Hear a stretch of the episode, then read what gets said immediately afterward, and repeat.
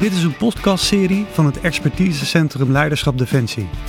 Mijn naam is Richard van Kuik en ik ben werkzaam op de afdeling begeleiding van ons centrum. Ik begeleid teams en individuen op het gebied van leiderschap en teameffectiviteit. In deze podcastserie, opgenomen in het kasteel van Breda, ben ik geïnteresseerd in leiderschap ten tijde van corona. Wat gebeurt er nu eigenlijk met leiderschap in tijden van corona? Een heleboel of juist helemaal niets? Ik praat met mensen uit verschillende disciplines van deze grote organisatie, op zoek naar antwoorden. Welkom, Dankjewel. Wilco. Ja. Kan je eens vertellen eh, wie je bent? Je bent hier nu in de podcast-serie van eh, Leiderschap in coronatijd. Ja, nou, ik ben Wilco Faber, dan Ja. de eerste officier van zijn Majesteit Karel Doorman. Ehm, en al een hele tijd eh, werkzaam eh, bij eh, Defensie.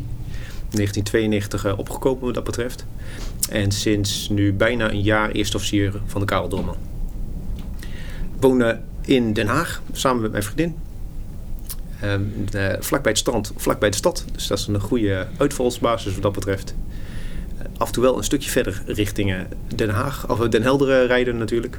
Maar eh, ja, eh, Den Helder heeft ook alweer zijn mooie kanten eh, wat dat betreft. En zeker omdat daar een schip met operationele eenheden ook allemaal liggen. Dat, ja, daar gaat toch wel het operationele hart van, van Bonsen wat dat betreft. Ja, Dus dat is een beetje, ja, Wilco die houdt van lekker sporten en van eh, lekker buiten bezig zijn. Eh, met vriendjes en vriendinnetjes lekker biertje drinken. Ehm, tja. Ik kan nog, ja, ik kan er uren Ja. doorvertellen, maar eh, Ik kan nog meer welke vertellen. kant- welke kant wil je op? Ehm, nou ja, waar ben je ooit begonnen? Je bent- Je bent op KIP begonnen, denk ik? Of? Ja, precies. Nou, ik, ik, ik kom oorspronkelijk uit, eh, uit Twente. Dat hoor je af en toe nog lekker in mijn... eh, Nee? nee? Nee, Nou, hoor je niet. Ik kan wel een beetje plat praten. En dan, eh, of als een van mijn collega's die noemen me af en toe wel eens broodrooster. Broodrooster. Ja, dan met een lange O uit Hengelo. Oh, zo. Ja, van oh, die ken ik nog niet. Ja. Ehm, nee, dus eh, daar, eh, daar is mijn oorsprong. Ehm, vervolgens eh, richting eh, het KIM gegaan. De, de lange opleiding van het KIM gedaan. Dus drie jaar, een half jaar PBI varen. Dus dat betekent eigenlijk je stageperiode varen bij de onderzeedienst. Vervolgens extern gestudeerd op, in Eindhoven aan de TU. Ehm, en daarna teruggekomen ja, bij de varende marine. Eerst een stukje mijnendienst gedaan, daarna gelijk weer terug naar de onderzeedienst. Om daar echt de hele carrière verder te doen bij de onderzeedienst. Ehm, vervolgens eh, doe je af en toe een keer een, eh, een walbaan eh, tussendoor. Ehm, ik heb veel ook in het buitenland gezeten, onder andere bij ComUKTG, dus Command United Kingdom Task Group. Als de lead planner, dus dan plan je operationele maritieme operaties en special forces operaties wat dat betreft. Als enige Nederlander in een, ja, de Response Force Task Group, zoals dat, de Britten dat zo mooi noemen. Waarbij ze eigenlijk met een heel stel schepen naar zee gaan en heel stel mariniers meenemen. ehm, om oefeningen te doen, maar ook om partnerships aan te gaan met verschillende landen.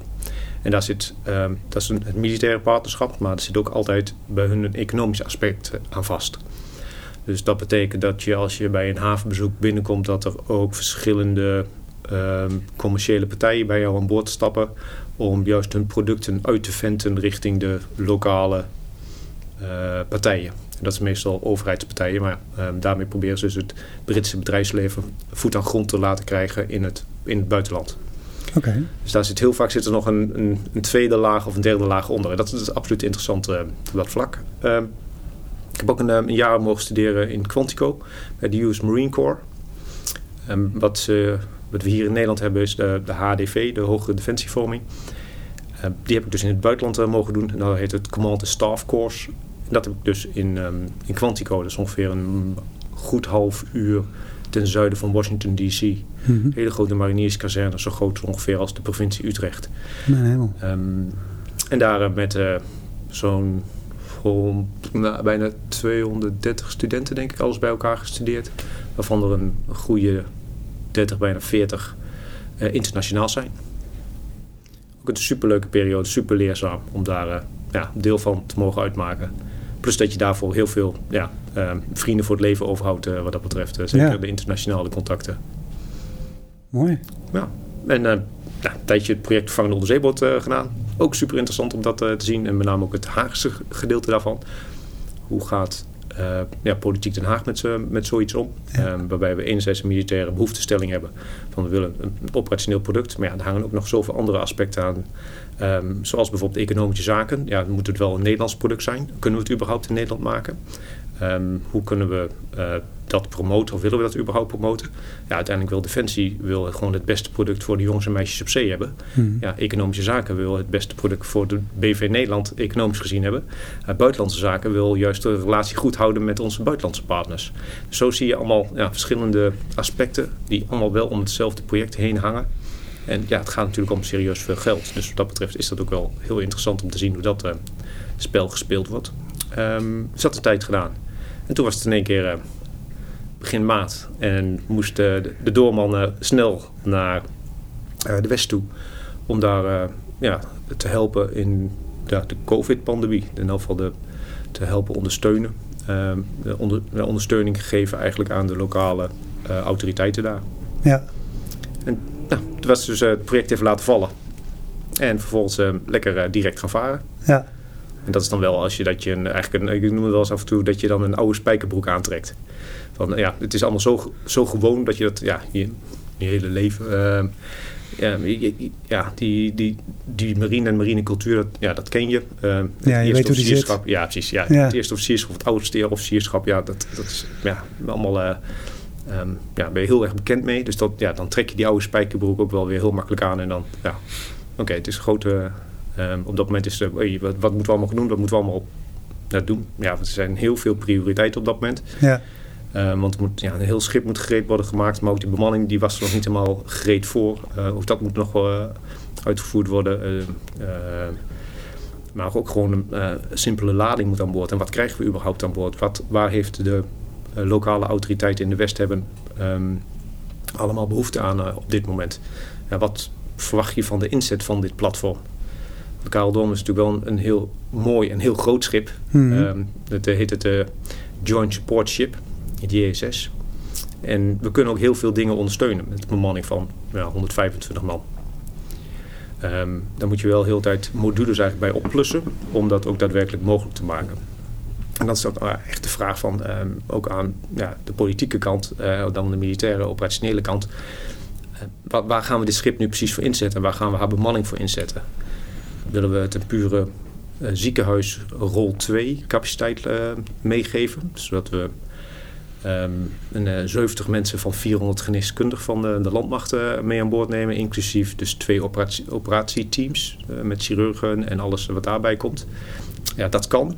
Maar dat heeft wel een behoorlijke impact op je totale capaciteit aan boord. Mm -hmm.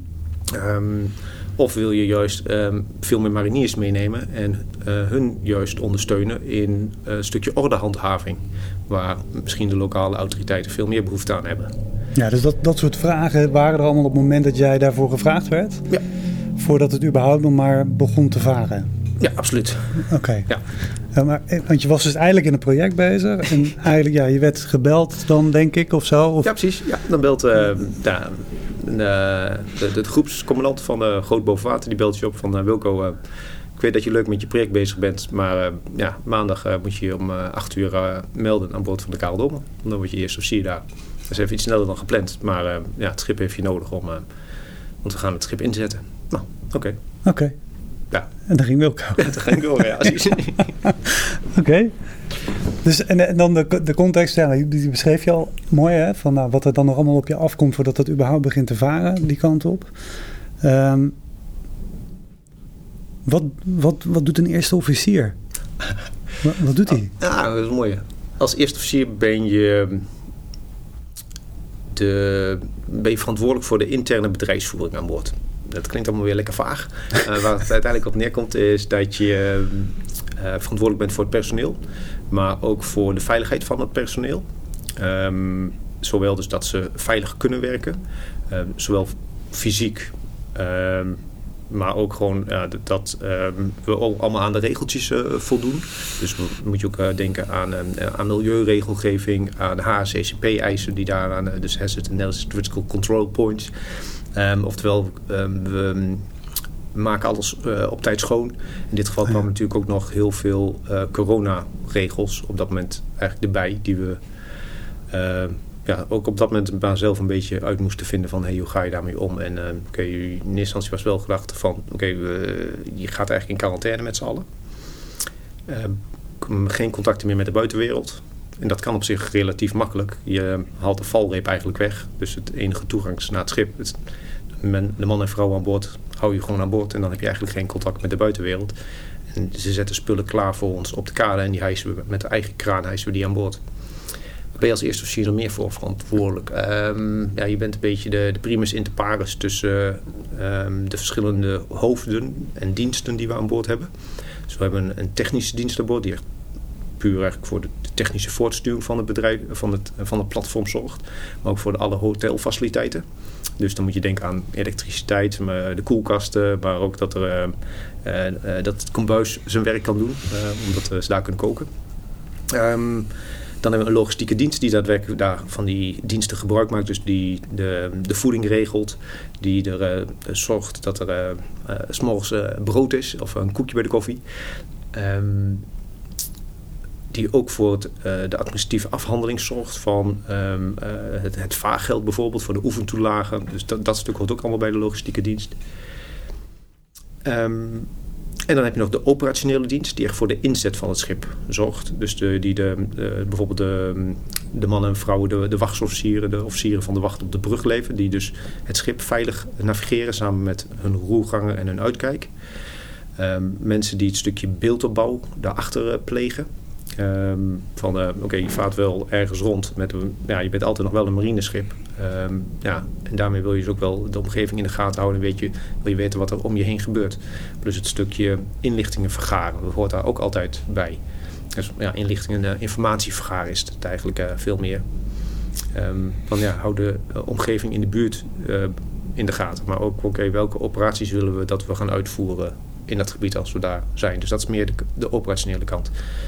Dus die drie diensten samen. Um, ja, die, daarboven staat eigenlijk de commandant. Um, en de eerste officier is een beetje de primus inter pares. Dus om te zorgen eigenlijk dat uh, uh, de facilitair manager... dat iedereen eigenlijk zijn werk gewoon uh, goed kan doen. Oké. Okay. dat noemen we eigenlijk de algemene dienst. Dus ja, um, en die algemene dienst die, ja, is eigenlijk in die zin meer het, het smeermiddel. Ja, als je dat in een matrixorganisatie zou bedenken... zou je dat drie diensten noemen en één die er dwars doorheen loopt eigenlijk. Uh, heel ja. veel randzaken van de bedrijfsvoering met name inregelt. Ja, maar het komt eigenlijk ook wel op neer dat je dus van alles wel wat moet weten ook. Lijkt ja. het. Dat denk ik wel. Ja. Al wel een beetje. Ja. En dus ik kan me ook zo voorstellen dat al die drie disciplines ook weer een eigen hoofd hebben. Ja. Die die discipline aanstuurt. Ja. En is het dan ook zo dat jij die drie hoofden aanstuurt? Of nou, nee, dat is het ook niet? Nee, op zich vallen die drie hoofden alle drie uh, zelfstandig onder de commandant. Ja. Um, maar ik heb wel regelmatig met hun een uh, managementoverleg. Uh, om, ja, de commandant is eigenlijk iets verder in de toekomst bezig. Um, om iets meer de lange lijnen verder uit te zetten. Oké, okay, waar wil hij naartoe en wat, voor, wat zijn voor hem, wat is zijn command 1? Um, om daar over na te denken. Um, wordt hij gevoed door zijn verschillende hoofden. En de eerste officier is eigenlijk meer bezig met het hier en nu. Om te zorgen dat dat command aim op dit moment ook daadwerkelijk gehaald kan worden. En, en zo zie je dus dat die eerste officier daar dus de, ja, de, de, tussenlaag eigenlijk is. Uh, te zorgen dat ja, de informatie bij uh, iedereen op de juiste manier is aangekomen. Um, want iedereen kent ongetwijfeld het... Uh, het voorbeeld van uh, als je met uh, z'n tien in een rondje zit en je vertelt aan één iemand wat, aan de andere kant, naar nummertje tien komt er echt totaal wat anders uit. Um, nou, die eerste staat eigenlijk meer in het midden en te zorgen dat elke keer nog wel die, de juiste informatie bij de juiste persoon komt. En dat doe je dus gewoon, ook, gewoon door heel veel te babbelen. Ja. Um, dat doe ik gelukkig niet alleen, ook samen met, met de chef de equipage van het schip, dus de um, oudste onderofficier. Ja. Wat dat betreft. Um, hebben wij eigenlijk ja, daar die centrale rol in te zorgen dat ja, jongens, we, klopt het allemaal nog? Ja. Um, doet, ja, als je dat zo doorvertelt, um, is, ja, is die informatie die dan bij poppetje 7 terechtkomt, is die nog steeds dezelfde informatie als we bij poppetje 1 uh, Ja. Um, en dat is absoluut wel, uh, ja, denk ik wel, uh, de manier van bedrijfsvoering zoals we dat aan boord van de schepen op dit moment hanteren. Dat ja. goed werkt. En, en voor jouzelf, hè, wat voor als je in zo'n rol zit als eerste officier en je kwam uit zo'n andere rol eigenlijk, hè, waar je eigenlijk meer met beleid bezig bent. En, ehm, wat, voor, wat voor type uh, leiderschap past daar voor jou dan het beste bij? Ehm, bij de rol van eerste officier is het denk ik een, een, een rol van um, ja, zelf een, een, klimaat neerleggen zodat iedereen eigenlijk uh, zijn werk kan doen. Dus daardoor de, de verantwoordelijkheden zo laag mogelijk in je organisatie zorgen dat die daar uh, liggen. Um, dat je een, um, uh, met, met, proactieve opstelling um, ja, mensen probeert te ent enthousiasmeren. dat je eigenlijk, ja, wat ik net eigenlijk een beetje aanhaalde, van je bent een soort facility manager. Je, je, eigenlijk de faciliteiten zodat de anderen kunnen ontplooien. En uh, dat zij in hun specialisme uh, echt hun werk kunnen doen. Dat uh, de, degene die voor het, het sewage systeem aan boord, dus dat is waar alle uitwerpselen en douchewater enzovoort allemaal in terecht komt, um, dat die niet na hoeft te denken eigenlijk over krijg ik wel op tijd mijn eten. Of, ja, dus okay. er is een andere dienst voor dat te zorgen zodat die jongen die um, specialist is op dat systeem. Gewoon, ja, eigenlijk uh, eh, 24 uur per dag. Nou, is iets overdreven, moet wel een beetje slapen. Um, maar eigenlijk fulltime met dat systeem bezig. Dus hij is gewoon specialist daarin. Uh, dat uh, de mensen die uh, officieren van de wacht op de brug, dat die gewoon veilig kunnen navigeren. Ja, um, daar moeten zij ook gewoon voor eten. En moeten ze ook zorgen dat ze voldoende rust hebben. Ja. maar ze moeten ook wel um, voldoende informatie krijgen uit, ja, uit de rest van het schip uh, van hey, wat is er aan de hand. Ja. En, en paste, paste dat ook echt goed bij jou? Ben je ook op, ja, ik denk daar wel. Op dat profiel zeg maar ook benaderd en daarvoor ingezet zo? Ik weet niet of ze echt op die competentie uh, mij hebben uitgezocht, wat dat betreft. Um, het is wel gewoon iets waar je uh, langzamerhand zelf in groeit dat je weet van oké, okay, uh, het is natuurlijk ook wel, uh, het hangt een bepaalde functiebeschrijving aan vast. En ik denk van oké, dat, dat ligt mij wel. Wat ik net ook al zei van oké, okay, daar gaat mijn operationele hart wel van kloppen. Ja, ja bootje varen is en blijft gewoon ja, super mooi om, om te doen. En dat ja, nu dan dus in de functie van eerste officier, waarbij je weer met hele andere aspecten eigenlijk weer bezig bent dan um, in de vorige functie bijvoorbeeld waar ik commandant van de eenheid was. Ja, dat, um, dan ben je zelf veel meer eigenlijk weer met dat varen bezig. En nu ben je veel meer met de interne bedrijfsorganisatie aan, de, uh, aan die kant van, ja, van het platform bezig. Ja. Zeg, want zo'n schip, ja, het is het uh, twee voetbalvelden lang. En met, ja, toen we vertrokken met zo'n 180 man. Dat is eigenlijk een klein dorpje wat dat betreft. Uh, ja, dus jullie waren met 180 in totaal toen jullie uitvaarden. Ja volgens mij al 180, misschien, misschien zelfs iets meer. Maar ja, daar komt het wel uh, meestal uh, op neer. Ja. Dus dat is ja, een heel klein dorpje wat 24 uur per dag zijn, zijn werkzaamheden eigenlijk wat dat betreft continu doet. Ja. En, en wat voor manieren had je voor jezelf al, voordat je überhaupt begon aan die, die rol, om ook voor jezelf eens terug of op te reflecteren, zeg maar, op je eigen handelen als leidinggevende? Um, nou, wat ik in elk geval voor mezelf wel doe, is, nou, regelmatig met mijn chef de equipage even uh, ook spiegelen. En ja, dat, uh, dat werkt denk ik wel goed. Um, met je directe collega's daarover spiegelen. Dus dat zijn meestal de, de hoofden van dienst wat dat betreft. Met je commandant daarover spiegelen. En dat, ja, je gaat niet echt meestal even zitten van kom we gaan even spiegelen. Maar meestal wel van hey, we hebben het gewoon over de dagelijkse gang van zaken. Of, en daarmee of je krijgt directe feedback van je uh, collega's. Of ik zag je toen um, de non-verbale communicatie, uh, zei je dit naar mij. Um, kwam niet helemaal goed bij me binnen. Dan, dan vraag je daarna en dan krijg je, op die manier krijg je wel je feedback. Maar ik denk ook gewoon in, um, in je carrière ja, dingen als wat we hier doen bij de ECD, ECDL, om daar invulling aan te geven. dingen van, uh, van leiderschap, waar we continu mee bezig zijn om ja, die reflectiemomenten voor jezelf in te plannen. Um, maar voor mezelf is het ook af en toe gewoon um, zorgen dat je even de rust neemt. Um, dat ik s'morgens vroeg eventjes op de home trainer ga zitten. En uh, een half uur, drie kwartier lekker uh, sporten. waarbij je ook gewoon even lekker aan het... enerzijds gewoon lekker aan het fietsen bent. Anderzijds ja, denk, bedenk je dan wel weer wat. dan, oh, dat is misschien niet zo handig. Of, ah, dat is eigenlijk wel goed gegaan. Of daar moet ik nog even aan, werken. Dat, ja, dat gebeurt meestal bij mij bij het sport. En dat in die zin is dat voor mij ook een, een reflectiemomentje. Ja, dus voor jou is dat zeg maar dat moment dat je eigenlijk op die fiets stapt en dan ja. lekker aan het bewegen bent. En dan ontstaat er van alles. Ontstaat er eigenlijk een soort van rust. Ja, ook rust. Ja. Maar ook wel ideeën. Ja, precies. Ja, ja. ja. Dat is een beetje jouw manier. Ja, ja. wel. Ja. Je vaart uit uiteindelijk, hè? want het is allemaal duidelijk. Wat jullie daar gaan doen, ga ik dan even vanuit. Ik zie, jou, ik zie je in de weer bewegen van nou, dat is niet helemaal zo. Nee. Um, het was nog niet helemaal duidelijk dan. Nee, precies. Je, mm, je moet ook de periode gaan beschouwen. Het was uh, begin april. Um, ook de coronacrisis in Nederland was toen eigenlijk net bezig ja, aan het opbouwen nog. Ja. Um, toen voeren wij al uit naar de Caribbean, waarbij de toestand op de eilanden ook per dag verschilde. Um, als je kijkt bijvoorbeeld naar Sint Maarten, daar hebben ze zo'n 30.000 illegaal op het eiland uh, woonachtig. Ja, wat is de toestand van die mensen? Um, die gaan zich niet melden als zij uh, corona hebben. Uh, want dan zijn ze bang dat ze uitgezet worden uit het eiland. Um, maar ja, als er geen inkomsten op het eiland binnenkomen... hebben deze mensen ook allemaal geen werk, hebben ze geen inkomsten. Gaan ze dan rillen? Ja, dat weten we uit het verleden dat dat wel gebeurd is. Dus voor de lokale overheid bijvoorbeeld op Sint Maarten lag er behoorlijk wat druk op om ja, die, um, de orde te blijven handhaven. ja, wat ga je daarvoor inzetten? enerzijds ga je daar uh, misschien mariniers of uh, mensen naartoe halen, extra politiemensen naar het eiland toe halen, om je daarin te ondersteunen.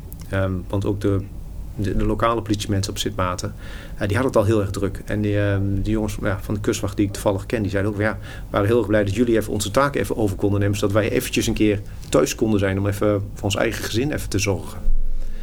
Um, want die maakt ook absolute overuren aan alle kanten. Dus dat hele overheidsapparaat, dat, dat liep wel een beetje op zijn... Um, ja, ja, had het snel heel erg zwaar. En ja, het staat snel onder druk. Het zat echt onder druk. En jullie ja. kwamen echt de druk eraf halen eigenlijk. In die zin wel, ja. ja. ja. dus dat was een van de, de aspecten. Hoe je dan precies dan daar invulling aan moet geven. Oké, dat is dan een tweede. Dat was niet volledig uitgedacht. Maar dat, dat wisten ze zelf op dat moment ook nog niet. Uh, er was al een club van de mariniers was er al aanwezig op het eiland. Um, en de groep van mariniers die wij mee hebben genomen, die zich uiteindelijk daar gewoon bij aangesloten. En we zijn samen met de lokale uh, autoriteiten zijn ze patrouilles gaan lopen en rijden en, um, op het eiland om juist de rust te bewaken. Um, maar ook het feit dat zo'n heel groot schip, uh, de, als de Karel Doorman afmeert op Sint Maarten, ja, dat, um, dat doet ook wel wat met de lokale bevolking. Er staat er, uh, ik krijg allemaal van die uh, berichten. Holland, dank jullie wel. Um, ja, dat is echt een totaal ander sentiment dan dat we meestal horen natuurlijk in de, vanuit de pers. Van dat Sint Maarten en Nederland elkaar op dat vlak niet helemaal ondersteunen vanuit een gedachte van Sint Maarten. En nu is in één keer dankjewel. Ja, dat is totaal ander sentiment omdat je daar in één keer het grootste schip van de Koninklijke Marine naar binnen brengt. Met heel veel faciliteiten. Uh, met faciliteiten om een uh, groot uh, ziekenhuis neer te zetten. En een ziekenhuis is eigenlijk net zo groot als dat op Sint Maarten al aanwezig is. Dus dan heb je in één keer een uitbreiding van IC-bedden. Of eigenlijk een verdubbeling van de capaciteit van IC-bedden. Ja, dat is wel een, een, behoorlijke meerwaarde ook voor het eiland. Um, dat je puur je aanwezigheid laat zien met de twee Cougar-helikopters die we aan boord hadden. Um, om uh, kustpatrouilles te doen. Maar eventueel ook, waren die ook ingezet om patiënten eventueel te vervoeren. Uh, uiteindelijk hebben we die call nooit gekregen. Maar ja, daar waren ze het schip wel uh, op voorbereid. Ja, ja, Samen met uh, 300 Squadron. Ja.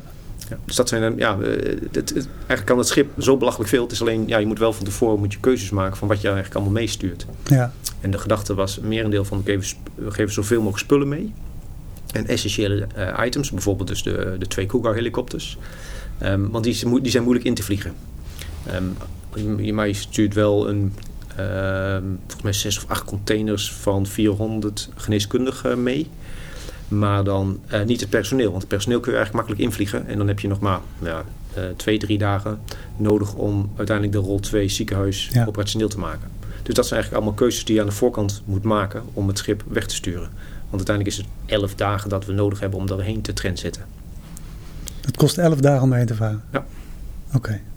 Dus ja dat, ja, dat is dus wel de tijd die je ja. zelf rekenschap moet houden. Ja. Plus dat je dan nog wel in een tijd zit van oké, okay, um, je weet niet of je zelf corona onder je eigen bemanning ontwikkelt. Ja, je kunt toch nog ergens, ook al ben je redelijk afgezonderd geweest van de rest van Nederland. Ja, je kunt het toch maar nog maar ergens hebben opgepakt. Ehm, dus daarom was ook de eerste stukje tot aan de Azoren. Ehm, dat je daar ook je, ja, je veiligheidsmarge toen nog van 14 dagen ehm, of 10 dagen, uh, wat de de quarantaine-tijd is, in blijft hanteren. Zodat je in elk geval altijd een veilige afvliegmogelijkheid hebt. Op het moment dat je dus een, besmette persoon hebt, dat je die op veilige manier altijd weer terug kunt brengen naar Nederland voor de goede gezondheidszorg. Ja. En was er dan ten aanzien van, kijk, want marineschepen zijn vaker naar het Caribisch gebied vertrokken. Hmm. In dit geval ging het altijd te maken met de, met de coronacrisis, hè, die ook daar zeg maar uh, zijn intrede had uh, gedaan. Wat, wat voor effect had dat zeg maar op de mindset bij jullie aan boord? Had dat überhaupt effect? Of? Het is grappig, we hebben een aantal vlogs gemaakt. Um, en die, eh, die vlogs met name ook voor eh, zijn uiteindelijk allemaal via telegraaf.nl uh, uh, allemaal de wijde wereld ingegaan. En de eerste vlog was van drie matrozen. En die hadden ook echt voor zichzelf dat ze ja, de Caribbean gaan helpen. En dat, dat, dat hele positieve gevoel van hey, we zijn bij de marine gekomen om ook andere mensen te kunnen helpen. En dat, ja, dat is wel een heel mooi gevoel. met die insteek ging het schip eigenlijk weg. En dat je daar de lokale mensen kunt helpen. En dus echt die, die hulpgedachte, dat je ehm, dat, dat mag doen namens Nederland. Dat is natuurlijk wel wat anders dan bijvoorbeeld ordehandhaving, wat we uiteindelijk wel hebben gedaan. Of um, kustwachttaken die we daar hebben opge opgepakt. Dat, um, dat voelen de, ja, de gemiddelde opvarende voelt dat niet als zijnde helpen. Maar dat is, uiteindelijk heb je daarmee wel de lokale overheid enorm geholpen. Dus dat, um, men gaat natuurlijk altijd weg met het vorige beeld wat men had van de vorige hulpverleningsactie. En dat was natuurlijk um, na de orkaan uh, over uh, Sint Maarten. Ja, met dat beeld dat ze um, mensen hebben geholpen met flesjes water aangeven. Met uh, de logistiek daar ondersteunen. Met het hospital daar ondersteunen. Ja, met dat beeld gaan mensen weg. En uiteindelijk kom je dan lokaal aan en mag je eigenlijk de wal niet op. Omdat je daar ook een grote besmettingshaat op dat moment daar hebt. En wil je daar worden blootgesteld? Nee, eigenlijk niet. Maar je helpt dus mensen veel meer op een um, hoger abstractieniveau wat dat betreft. Puur door aanwezig te zijn. Of als het nog slechter gaat, um, dan zijn we daar. En dat is, ja, dat is echt wel een andere manier van denken. Um, dat is een beetje meer van, van showing off, van, van showing the flag. Van je bent er aanwezig en op het moment dat de lokale autoriteiten echt om hulp uh, roepen. Want je wilt natuurlijk in eerste instantie, ook, zij uh, willen dat graag allemaal zelf doen. Ze willen hun eigen broek ophouden, willen zelf zorgen dat ze het allemaal kunnen. Want anders zou het misschien als zwakte kunnen worden opgevat. Um, maar het geeft wel een hele goede stimulans van, hey, kijk, um, kijk, we kunnen het zomaar inroepen. Dus um, het, is, het is direct voor ons voorhanden. We hebben het nu nog niet nodig, maar het is er wel. Want anders, wat we net over hadden, die elf dagen. Ja, anders ja. Um, ben je pas elf dagen later daar. Dus dat, is wel, dat maakt wel het verschil um, door zo'n groot platform als een, een joint support ship daar ja, eigenlijk preventief daar neer te leggen. Met ja. alle capaciteiten die je op dat moment hebt. Ja. En jullie, hoe lang hebben jullie daar gewerkt? Even kijken hoor. Um, we kwamen dus medio april aan en medio juni zijn we daar weer, uh, of eind juni zijn we daar vertrokken. Dus een goede twee maanden hebben we dat in dat gebied uh, daar geopereerd. Ja. En zijn, wat zijn voor jou echt aan, nou ja, momenten tijdens die reis of dat je daar was, um, momenten dat je voor je gevoel onder druk hebt gestaan? Ik heb eigenlijk niet onder druk gestaan voor mijn gevoel. Fijn. Ja, precies. uh, nee, dat, um, dat in die zin niet. Wat je wel merkt is dat um, je als, als geheel, dus eigenlijk als, als bemanning, um, na acht weken uh, continu eigenlijk bezig te zijn geweest. Ja, dan heb je wel zoiets van, hé, hey, even, het moet even, even relaxed worden.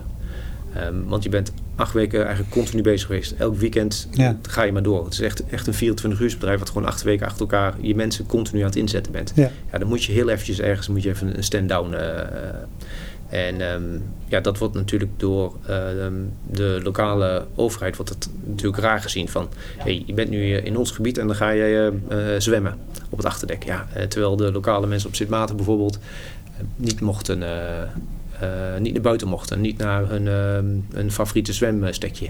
Ja. wij gingen heel eventjes ehm, zwemmen voor de bemanning. Die gewoon ja, vanuit de achterkant uh, even in zee doken. Ja, dat, dat is even een relax moment hebben. Ja. Ja, dat, um, ja, dat levert wel even wat, uh, wat wrijving op met de lokale autoriteit. Dan krijg je even een boos belletje. Van, ja. We zien ze bommetjes maken. Ja, precies. ja. ja. En, dus dat, dat zijn wel, ja, stressmomenten wil ik er niet echt zeggen, maar het zijn wel, ja, ik denk van oké, had ik het anders gedaan? Mm, nee, waarschijnlijk niet. Nee, Want dit is ook echt iets, uh, iets wat uh, de jongens en meiden gewoon echt even nodig hadden. Ja. Dus in die zin heb ik niet het gevoel dat we echt uh, stressmomenten hebben gehad. Maar aan de andere kant, we zijn ook niet echt, echt heel erg ingezet. Ja, we willen allemaal zeggen van op het hogere abstractieniveau, van dus van door aanwezig te zijn, door zichtbaar te zijn, um, veel kustwachten, patrouilles uh, daar gedaan. Dus gewoon ook um, zichtbaar aanwezig zijn. Puur omdat je daar bent, zie je dat de smokkelroutes in elk geval uh, niet meer gebruikt worden. Um, omdat ja, zo'n groot schip met, uh, met twee helikopters aan boord en een paar bootjes daar aan het rondvaren is. Ja, dat, um, dan zie je die, die stromen eventjes opdrogen. Dus in die zin doe je daarvoor je, je werk. Het, feit dat je daar gewoon, gewoon aanwezig bent. Uh, maar bijvoorbeeld ook uh, met uh, de lokale autoriteiten op, op Bonaire. Die waren ook wel heel erg benieuwd hoe ze um, zich moesten gaan voorbereiden op cruiseschepen toeristen. Want net zoals Sint Maarten is ook Bonaire heel erg afhankelijk van, um, van het toerisme op het eiland. en daar hebben we ook wel met de lokale GGD en met de gezaghebber van het eiland ook gesproken van oké, maar hoe ga je dat nu inregelen dan? Nou, en dan komen gewoon van die ideeën naar boven van... oké, zullen we eens een keer met, met tien mensen maximaal uh, de wal op gaan. En dus onze groepjes van het schip zijn niet meer dan tien man. En dat is natuurlijk als militaire eenheid is het heel erg makkelijk te regelen. Je zegt gewoon tegen je mensen... je mag lekker de wal op, uh, je mag even lekker uh, de benen strekken... maar niet meer in, groepjes dan, dan tien personen. En als je dus bij de, het ene restaurantje dat al tien mensen zitten... dan prima, dan loop je door naar het volgende restaurantje. Dat is eigenlijk een militaire order... Um, en als de lokale autoriteiten zeggen van nee, ik ben hier helemaal niet happy mee, ja, dan blaast eigenlijk de chef de equipage op zijn fluitje en die verzamelt iedereen terug naar het schip. En dat is ook zo geregeld. Dus ook voor de lokale autoriteiten is een militaire bemanning eigenlijk wel een heel makkelijk instrument om dingetjes uit te proberen. Van hoe ga je daar nu orde in handhaven? Hoe, hoe zorg je ervoor dat uh, restaurants um, het intern goed geregeld hebben? En Mhm. hoe controleer je dat dus ook als een, een GGD-organisatie. Ja. ja.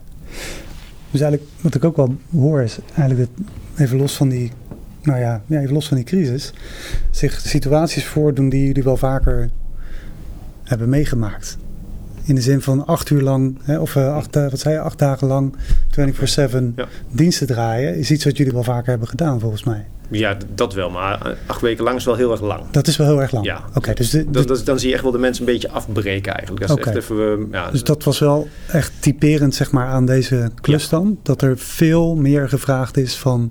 Van de mensen. Van de mensen, ja. ja. Gewoon echt ook, zeg maar, ze waren ook, zeker in het begin is iedereen super gemotiveerd natuurlijk. Van, hey, wat, wat, ja, dat helpen. Dat, dat helpen. Ik mag, ik mag het doen. Ja. We, we gaan er naartoe. We gaan goed doen. Heel veel energie. Ja, absoluut. Um, precies, maar dan, dan zie je dan wel dat het na acht weken tijd, ja, dan, ja, uh, dan zijn de mensen op een gegeven moment wel een beetje moe. En zijn ze even op en dan, dan moeten ze even, ja, weer even, even weer terug, even weer uh, even relaxen en dan kunnen ze weer. Ja. En dat er weer um, ja, ook uitzicht is van oké, okay, wat gaan we straks allemaal doen en waar gaan we naartoe en hoe lang duurt het allemaal. Ja. Heb je dat zelf ook ervaren? Dat je het gevoel had van ik moet nu te lang door of te veel doen? Of? Nee, ik had het persoonlijk zelf niet. Van, nee. Um, nee ik vond het ja, allemaal super interessant. Ja, was misschien ook omdat ik natuurlijk uh, nieuw was in de functie, uh, een nieuw schip. Uh, ja, een belachelijk groot schip waar je elke dag, zelfs, zelfs nu nog als ik er weer rondloop, zie ik elke dag weer wat anders. Ah, ja. um, met nieuwe leuke clubs ook aan boord. Um, een, een 300 squadron ja, wat nieuwe mensen, wat nieuwe interactie uh, dus met zich meebrengt. Um, veel in deze, gedurende deze reis veel afstemmen ook met de lokale autoriteiten. Dus via de scheepsarts met de lokale GGD. Um, hoe kunnen we zaken regelen? Hoe kunnen we zaken voor jullie inregelen? Wat heb je van ons nodig? Wat heb je van jullie nodig? Als we mensen willen laten invliegen bijvoorbeeld voor een um, compassionate leave. Dus een, een repatriëring. Ehm, hoe ga je dat regelen? dat we mensen naar Hato, naar het vliegveld daar kunnen brengen. dat ze ehm, niet, dat ze even afgezonderd zijn van, van de rest van, uh, van het vliegveld. Dan kunnen ze daar veilig neerzetten. Moeten ze even wachten totdat het vliegtuig er is en dan uh, direct het vliegtuig in. Zodat ze ja, zo min mogelijk contact hebben. Nou, allemaal zulke zaken moeten allemaal wel worden ingeregeld, ook met de lokale autoriteiten.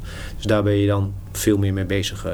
dat is wel anders dan andere reizen natuurlijk. Omdat dat, dus ja, in die zin is dat stukje bedrijfsvoering is eigenlijk anders dan anders. En daar ben je dan druk mee bezig om dat voor elkaar te krijgen.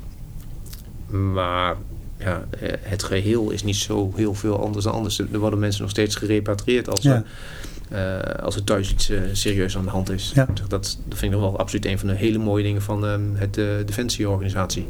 Van dat, ja, dat dat bijna alles mogelijk is.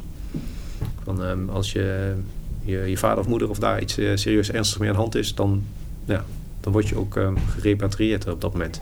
Ja. En dan, ja, dan is in één keer heel erg veel mogelijk.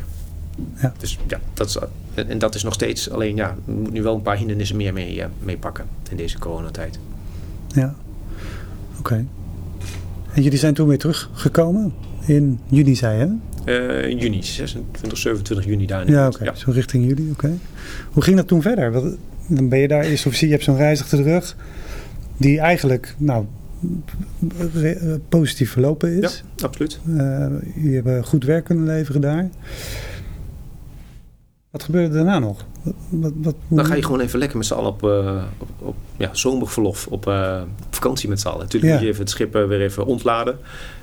Want je hebt uh, verschillende spullen nog bij. We hadden het net over 300 Squadron bijvoorbeeld. Ja. Die heeft een, een, aantal containers met spullen bij ons aan boord staan. Ja, die moeten wel even weer ontladen worden. Uh, het schip moet even schoongemaakt worden. Um, allemaal van die uh, standaard zaken die eigenlijk moeten gebeuren... voordat het schip daadwerkelijk met, met zomerverlof kan. En dan ga je daarna ja, met z'n allen lekker met zomerverlof. Dan doe je eigenlijk de sleutel in het slot. Ja. Um, moeten altijd wel nog even twee mensen de wacht lopen. Dus continu zijn er twee mensen eigenlijk op post... Die, ehm, die houden het schip technisch in de gaten. En dat, uh, ja, want er staan nog verschillende systemen staan gewoon nog bij. En, uh, bijvoorbeeld hydrauliek, um, ja, dat, sluiten we niet volledig af. Dus die, uh, die systemen staan gewoon nog onder druk. Dus er zou zomaar een, een lekkage ergens kunnen komen. Of de, de airconditioning. Um, zeker in de warme zomer. Ja, dan wil je wel dat airconditioning en doet het anders. slaan al je elektronische apparatuur gaat ook op een gegeven moment werkt niet meer. Dus Um, die systemen wil je wel dat die blijven werken. Dus daar heb je altijd wel een paar mensen uh, altijd even op post. En de rest van de, de bemanning is dan lekker met uh, zomerverlof, lekker bij een gezin en een, een geliefde. Ja. Om even, even te chillen. Ja, dat kon ook hè? Ja, ja. precies. Toen wel ja. Toen wel, ja. ja. Dus en, en daarna was het voor ons eigenlijk weer de draad weer oppakken. Want het schip, um, toen we in april begonnen was nog niet volledig opgewerkt. Dus um, we hebben, als marineschip hebben we altijd een, een, opwerkprogramma om ons naar een bepaalde operationele gereedheid te brengen. En we waren eigenlijk nog maar halverwege. Dus we konden um, veilig varen met het schip. Konden nog niet veilig opereren. Dus die eerste week dat ik ook aan boord was, hebben we eigenlijk ook gebruikt om het schip uh, te leren veilig operatio operationeel uh, in te zetten. Op een aantal aspecten, niet alle aspecten waren daar nog uh, van bijvoorbeeld echt het, uh, het schieten. Dat, dat hadden we even buiten weg gelaten. Ja, in, de, in de Caribbean hadden we niet het uh, idee dat we daarvoor onze goalkeeper installatie bijvoorbeeld voor, voor nodig hadden. Dus die dingen die laat je dan even achterwege. Maar die moesten dus natuurlijk wel na het zomerverlof weer opgepakt worden. Dus daar zijn we dus, dan begin je dan na het zomerverlof mee. Oké, okay, wat hebben we allemaal, allemaal laten liggen? Hmm. Welke beproevingen moeten we nog uitvoeren om weer operationeel gereed te worden? Nou, oké. Okay. Nou, en dan gaan we daar, zijn we daarmee begonnen na het, dat zomerverlof. En daar uh, zijn we nu uh, net uh, weer terug van een, wederom een, een, reis met het Eskader. Waarbij we met een aantal schepen, um, vier schepen, weer naar zee zijn gegaan. En dat is met name ook om de, ja, niet alleen de operationele gereedheid van één schip op, op, op peil te houden. Maar ook juist dat je met andere schepen samen kunt werken. Ja, want uiteindelijk ben je ja, samen sterk, samen sterker. Een mooie motto wat dat betreft. Je als, als, als enig schip, zeker een, een joint support ship, ja, we, we, kunnen andere schepen heel goed bevoorraden. En ik noem het af en toe wel gekscherend dat we een bol.com, een Gamma en een Albert Heijn uh, op zee zijn voor de andere schepen. want ze doen eigenlijk bestellingen op zee bij ons en die leveren wij aan hun. Dus bijvoorbeeld brandstof, dan komen ze gewoon even bij ons tanken. Ja. Ehm, maar ook als zij ehm, te weinig hagelslag hebben. dan doen ze ook een, een aanvraag voor, voor hagelslag en dan leveren die ook eventjes aan hun. ook het Um, en, en dus ook veilig opereren in een maritieme omgeving. Ja, dat hadden we. We, kunnen onszelf amper, ja, we kunnen net beschermen. Maar we hebben liefst eigenlijk een, eh, een LCF of een M gehad uh, bij ons om ons te beschermen. Het maakt het leven voor ons een stukje makkelijker weer. Um, en beter beveiligd eigenlijk. Um, dus als je dus in een, een hoog geweldspectrum aan het opereren bent, ja, dan zul je zeker zo'n vergat graag bij je willen hebben. Maar dan moet je wel mee leren samenwerken. Dat, dat, uh, omdat je ook je bemanning continu wisselt, moet je daar, ja, is dat eigenlijk een continue inspanning die je moet doen om die geoefendheid op peil te houden. Want uh, ik denk een heel mooi voorbeeld is, um, het klinkt eigenlijk heel simpel, van, uh, het, um, het olieladen wat we, waar we het net over hadden. Mm -hmm. dat de andere, die andere schip heeft brandstof nodig. Nou, die komt dan ongeveer op 50, 60 meter naast je varen. Dus dan praat je over twee hele grote schepen die even op 50 meter naast elkaar gaan, gaan varen ja, als je dat bij eh, de gemiddelde koopvaardijschip doet, die uh, denkt van, jongens, dat is echt niet goed uh, waar jullie nu mee bezig zijn. Alarm. Eigenlijk wel, ja. Um, en wij doen het gewoon eigenlijk als, als standard practice. Natuurlijk zitten er ook allemaal veiligheidsaspecten allemaal aan. En precies, maar dat, dat, moet je wel blijven oefenen. Om dat ook op een veilige manier uit te kunnen blijven voeren. Ja. Dat je dus op zee, op zee um, zonder dat je naar een haven hoeft, iemand dus kunt bevoorraden. Dat is, ja, dat is het hele aspect van die, van die maritieme oorlogsvoering, die je dus met andere schepen moet, ja, moet blijven beoefenen. Ja. En dat wat we de afgelopen periode dan uh, weer hebben gedaan. Ja. Maar ook daar speelt corona uh, weer een, uh, een, een, spelbreker wat dat betreft. Ja, maar daar wil ik eigenlijk naar vragen. Van, en, en wat heeft deze coronaperiode ehm, voor invloed gehad zeg maar, op jouw leidinggeven? Is, is er überhaupt een moment geweest dat dat je dacht van, oh wacht even, nu, uh, mm. nu wordt het wel even een ander verhaal. Ja, ik denk wel dat met name de laatste periode, toen we echt uh, veel uh, positieve cases aan boord hadden, dus veel besmette mensen. Um, plus dat daar ook nog, dus die gaan direct dan in isolatie bij ons aan boord. Nou, dan hebben we, we hebben niet al te veel capaciteit uh, daarvoor, want al die mensen moeten dan eigenlijk in hun eigen uh, bedje met eigen toilet en, ja. en douchevoorziening. Um, we hebben in totaal capaciteit van 300 bedden en 92 eigen hutten eigenlijk. Uh, dus je kunt eigenlijk 92 mensen zou je op zich in isolatie dan in quarantaine kunnen zetten. Maar dan kun je voor de rest van de bemanning heb je dan geen plek meer. Dus nee. um, dat, dat, is een beetje een spanningsveld. Wat je um, toen kreeg, omdat bijna de helft van de bemanning dus oftewel in isolatie ofwel in quarantaine zat ja, dan heeft het wel een behoorlijke impact op je totale bedrijfsvoering aan boord. Van hoe ga je dat nog uh, bij elkaar houden? En um, daar merkte ik wel in mijn eigen leidinggeven, waar ik normaliter heel erg ben van um, het delegeren en het uh, zorgen dat uh, de verantwoordelijkheid zo laag mogelijk in de organisatie ligt. En ja. mensen zelf bewust worden van oké, okay, wat, wat, kunnen zij bijdragen aan, aan het geheel merkte je, omdat die mensen er dus niet meer waren, dat je dus dingen zelf moet gaan doen. En dan ga je dus meer micromanagen ja, dat, ehm, ja, dat was absoluut ook uh, een, een, reflectiemomentje van mezelf weer. Van shit, ik, uh, ik, ja, ik stap eigenlijk in die, in die kuil. Ja. ja had, ik, had ik een andere optie op dat moment? Mm, weinig.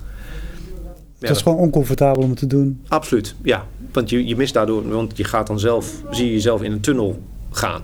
Ja. Terwijl je een, niet meer het brede perspectief hebt, juist. Wat je wel zou moeten hebben, juist richting de toekomst toe. Maar dan, ja, je, dan weet je gewoon, oké, ik moet nu naar dit punt toe werken. We moeten veilig met het schip en de bemanning thuiskomen. Moeten zorgen dat de bemanning veilig landt uh, weer in Nederland. Um, dat ze hun uh, familie verder uh, niet kunnen besmetten. Of um, dat ze een, een, veilige plek aan de wal kunnen krijgen. Dus als je hele... als je ouders hebt bijvoorbeeld, veel van die jonge matroos die ja, die wonen gewoon nog thuis. Maar als daar bijvoorbeeld een van de jongens die heeft een, een moeder met MS, uh, of sorry, ALS. Ja, um, ja zegt, ik ga echt niet naar huis toe. Um, ook al weet ik, ik heb net negatief getest, maar ja, ik heb sowieso de aankomende vijf dagen. Is er nog kans op dat ik het wel ga ontwikkelen? Dus ik wil aankomende vijf dagen echt niet naar huis. Dus moet je wel voor hem een hutje op de wal even regelen. Ja. Ehm, dus zulke vraagstukken komen dan veel meer boven. Ja, die echt anders zijn dan Ja. wat je gewend bent. Hè? Precies, nog Dat- niet hoef je daar, heb je daar geen zorgen om. Nee, precies. Ja. En dat is, ja, en dat, dat is wel even wel weer een ander stukje van onze organisatie wat je dan wel weer aanspreekt. En ook omdat je dus eh, de mensen die dat normaliter voor je regelen, zelf op, dit moment, op dat moment ook in quarantaine zaten of in isolatie. Dus ja, die waren ook niet direct, konden je helpen. Dus ja, dan ga je het maar weer zelf doen. En dat is wel die tunnel die je dan inwandelt. Dus dan heb je minder capaciteit zelf om de andere aspecten nog eh, te managen. Nou, dan ga je het dus zelf doen. Dan heb je dus niet meer genoeg capaciteit. Dus dat is als je eigenlijk zegt van oké, wat is echt verschillend? Ehm, dat is met name eigenlijk de laatste stukje reis. Om te zorgen dat de mensen eigenlijk allemaal veilig landen. En dan, Ja. dan, Ja. dan, dan nou je dus ook voor jezelf ook... Oké, van waarvoor ben ik hier op dit moment? En de andere manage je dan ook heel snel weg. Of, wel, of negeer je. Ja. Ehm, ehm, want de prioriteit is echt van zorgen Dat. dat, ja, dat, dat de bemanning gewoon veilig eh, landt.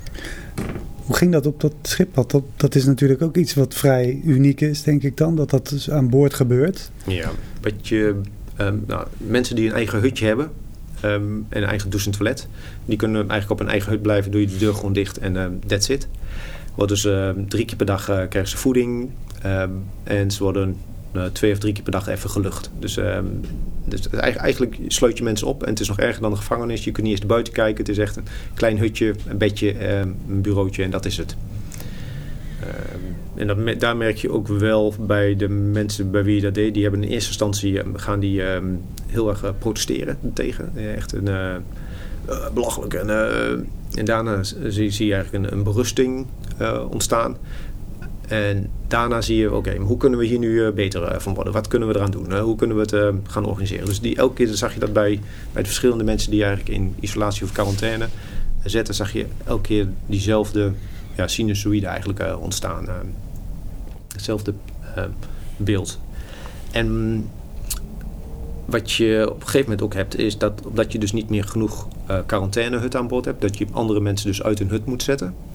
Dus die moeten ergens anders eh, gaan slapen. En om plek te maken voor iemand die dus in isolatie of in quarantaine Ja, dus mensen moesten een bed opgeven. ja, moest een bed, maar ook, ehm, ja, dat, is, dat is dus ook eigenlijk hun eigen slaapkamertje. Ja, een domein. Ja, absoluut. Ja. Ja. dan moeten ze dan even, dan moeten ze even snel, ja, binnen 10 minuten, een, een spulletjes pakken. Ja. In, een, eh, in de rugzak gooien. En dan ergens, eh, ergens anders in het schip gaan slapen bij andere mensen. ja. Terwijl ze daar, dat is eigenlijk hun, ja, een kleine huisje binnen het grote huis, eh, de Karel Doorman. Ja. Ja, dat geven ze dan eventjes op. Men, eh, ja, het is ook niet iedereen daar direct allemaal helemaal happy mee. Nee, dat, eh, dat vraagt ook weer een beetje babbelen hier en daar. ja. Ja. Ehm, dus, ehm, precies, maar, dat ook, maar ook die, die mensen dus allemaal verzorgen. En dat die dus gescheiden blijven leven van de rest van de bemanning, van de gezonde bemanning. Ja, dat is absoluut een, een enorme inspanning. Niet alleen ehm, voor het, het medische team aan boord. Want dat zijn er eigenlijk maar drie. Eh toevallig hadden we de laatste reizen twee AMA's mee. Dus dat zijn eh, algemeen militair artsen. Mhm. Eh, in opleiding waren deze twee dames.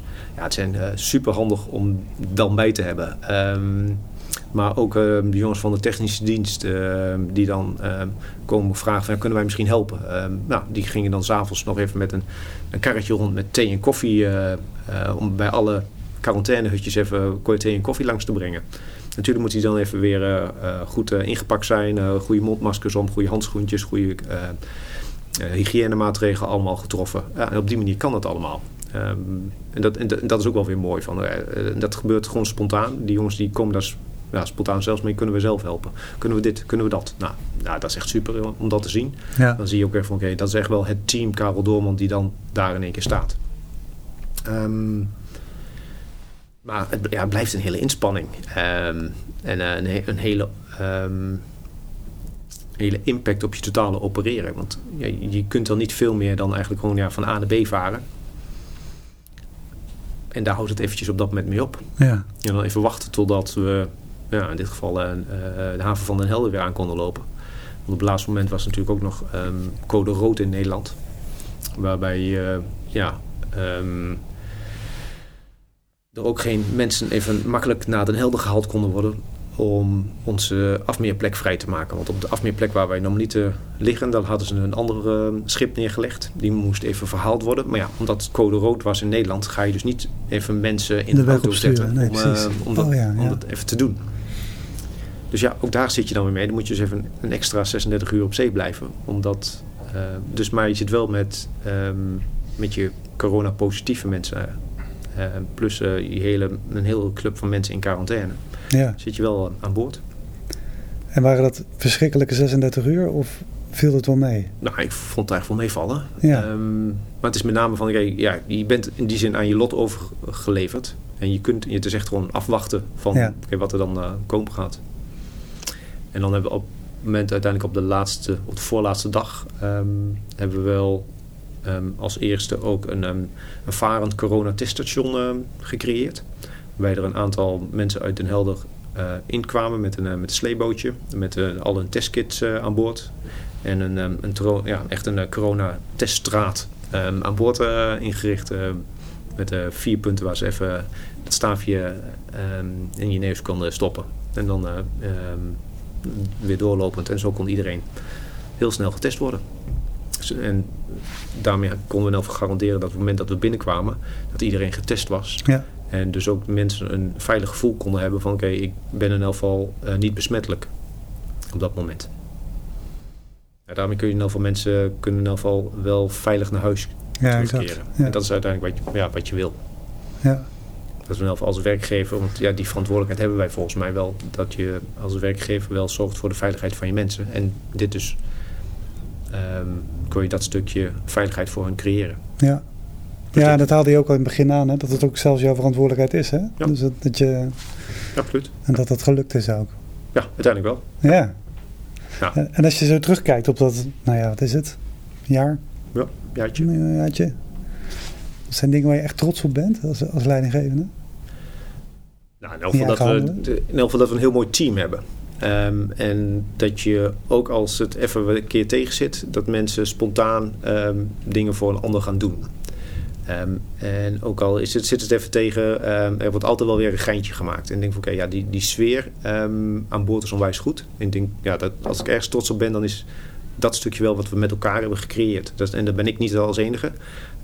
ja, je mag als leidinggevende mag je heel vaak daar uh, de eer voor ontvangen van de anderen die aan boord komen en die dat uh, zo beamen van... hey, jullie zijn wel... Ja, we worden heel erg gastvrij ontvangen... en iedereen wil ons helpen en ondersteunen. Ik denk van oké, ja, maar dat is precies ook wat we uit willen stralen. We zijn ook een joint support ship, dus we ondersteunen grote eenheden op zee... Maar we steunen ook um, een staf die bij ons aan boord komt... of um, AMA's die bij ons uh, een stukje stage komen lopen. Ja. Um, iedereen in die uh, optiek is um, ja, welkom en uh, wordt ook welkom geheten en wordt ook eigenlijk direct in de bemanning opgenomen. Ja, en dat vind ik wel het hele mooie. Als je dan eigenlijk zegt, oké, okay, waar ben je trots op? Ja, op dat. Ja. het wij Karel Dommel. Ja. ja. Ja, dat, ja, want alles wat je eigenlijk vertelt klinkt ook wel echt alsof alles gegaan is zoals je eigenlijk zou willen dat het gaat. Ook, uh, ook in zo'n periode waarin je eigenlijk onder druk komt te staan. Hè? In die acht weken maar doordraaien. Tot aan nou een half schip wat in quarantaine zit. En waarbij je merkt dat iedereen zijn steentje aan het bijdragen is om het uh, draaglijk te houden. Mooi. Ja, ja nee, precies. Dat is, echt, dat is echt mooi. Ja, ja.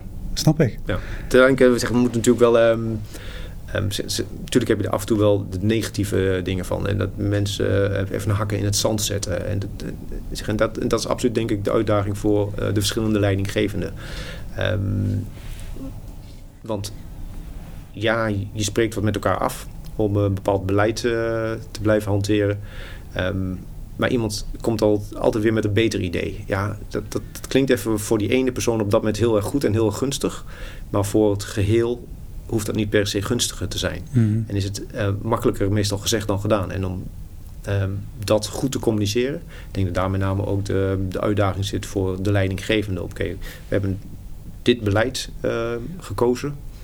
Um, dit dragen we uit. Dit, uh, dit, is, dit, is, ook goed uit te leggen. En natuurlijk zullen er altijd gevallen zijn um, om het even net even wat makkelijker te maken voor, voor één persoon. Maar het hoeft, het hoeft niet te betekenen dat het voor de rest van de organisatie geen extra druk oplegt.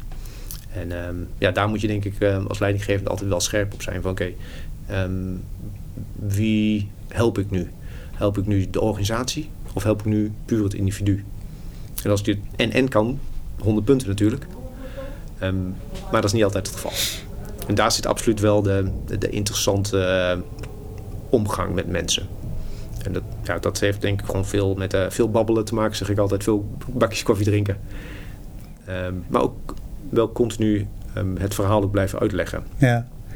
Het, ook wel, het is wel echt dan iets wat bij jou past. Dat, en wat ook wel voor jou goed werkt. Is dat je continu maar zorgt dat je in verbinding blijft. Absoluut. Met iedereen. Door veel te babbelen. Naar die bakjes koffie te drinken. Wat je zegt. Aandacht te geven aan behoeftes die er leven.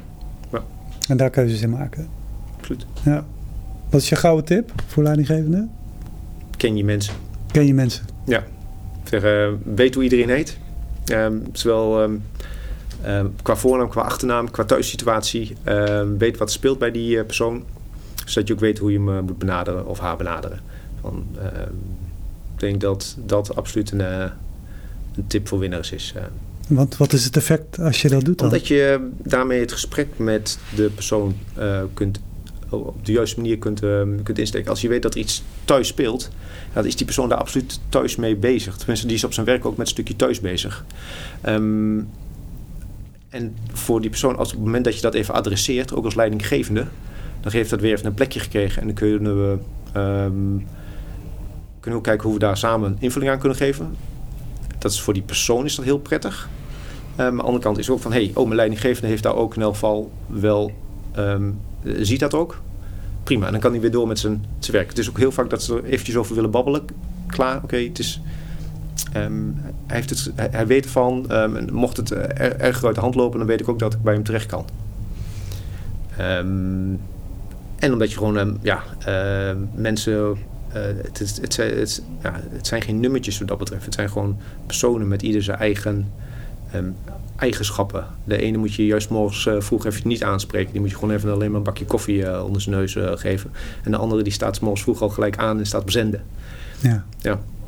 Als je dat van tevoren weet, dan is dat een stuk handiger communiceren. Mooi. Alsjeblieft. Dankjewel, Rocco. Mooi. Ben je getriggerd door deze aflevering?